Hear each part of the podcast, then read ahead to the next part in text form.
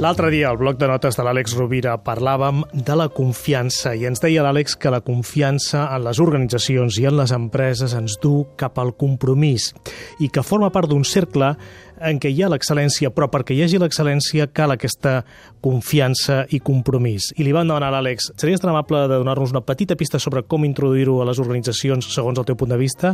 Doncs bé, avui li preguntem, Àlex, si ens ho pots dir. Què tal, Àlex? Molt bé, Gaspar, molt bé i content de, novament de poder xerrar una estona amb tu i amb les amigues i els amics que, que ens escolten cada setmana.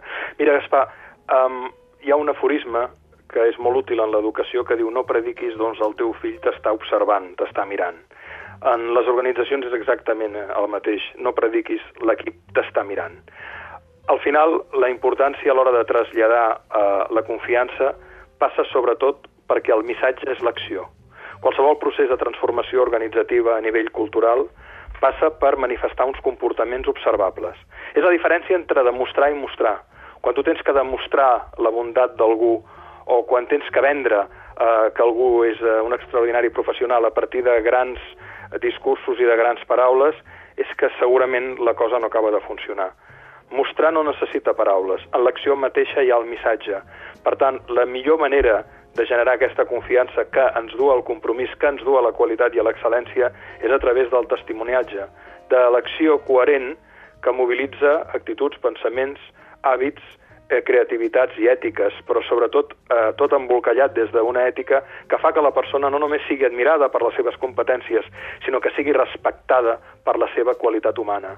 Al final, una organització és sana quan combina dues dimensions, l'eficàcia i, la, i els bons resultats operatius en el procés, fruit d'una excel·lència en allò que en diríem el talent, però també quan aquesta organització és excel·lent en el tarannà, en l'actitud, que combinada amb el talent genera que siguem competents de manera integral amb allò que pensem, amb allò que fem, però també amb les nostres actituds i també amb les nostres visions compartides i amb la voluntat de preservar el sistema humà no només que forma part de l'organització, sinó que va més enllà de les portes de l'organització, cuidant el medi, cuidant els recursos.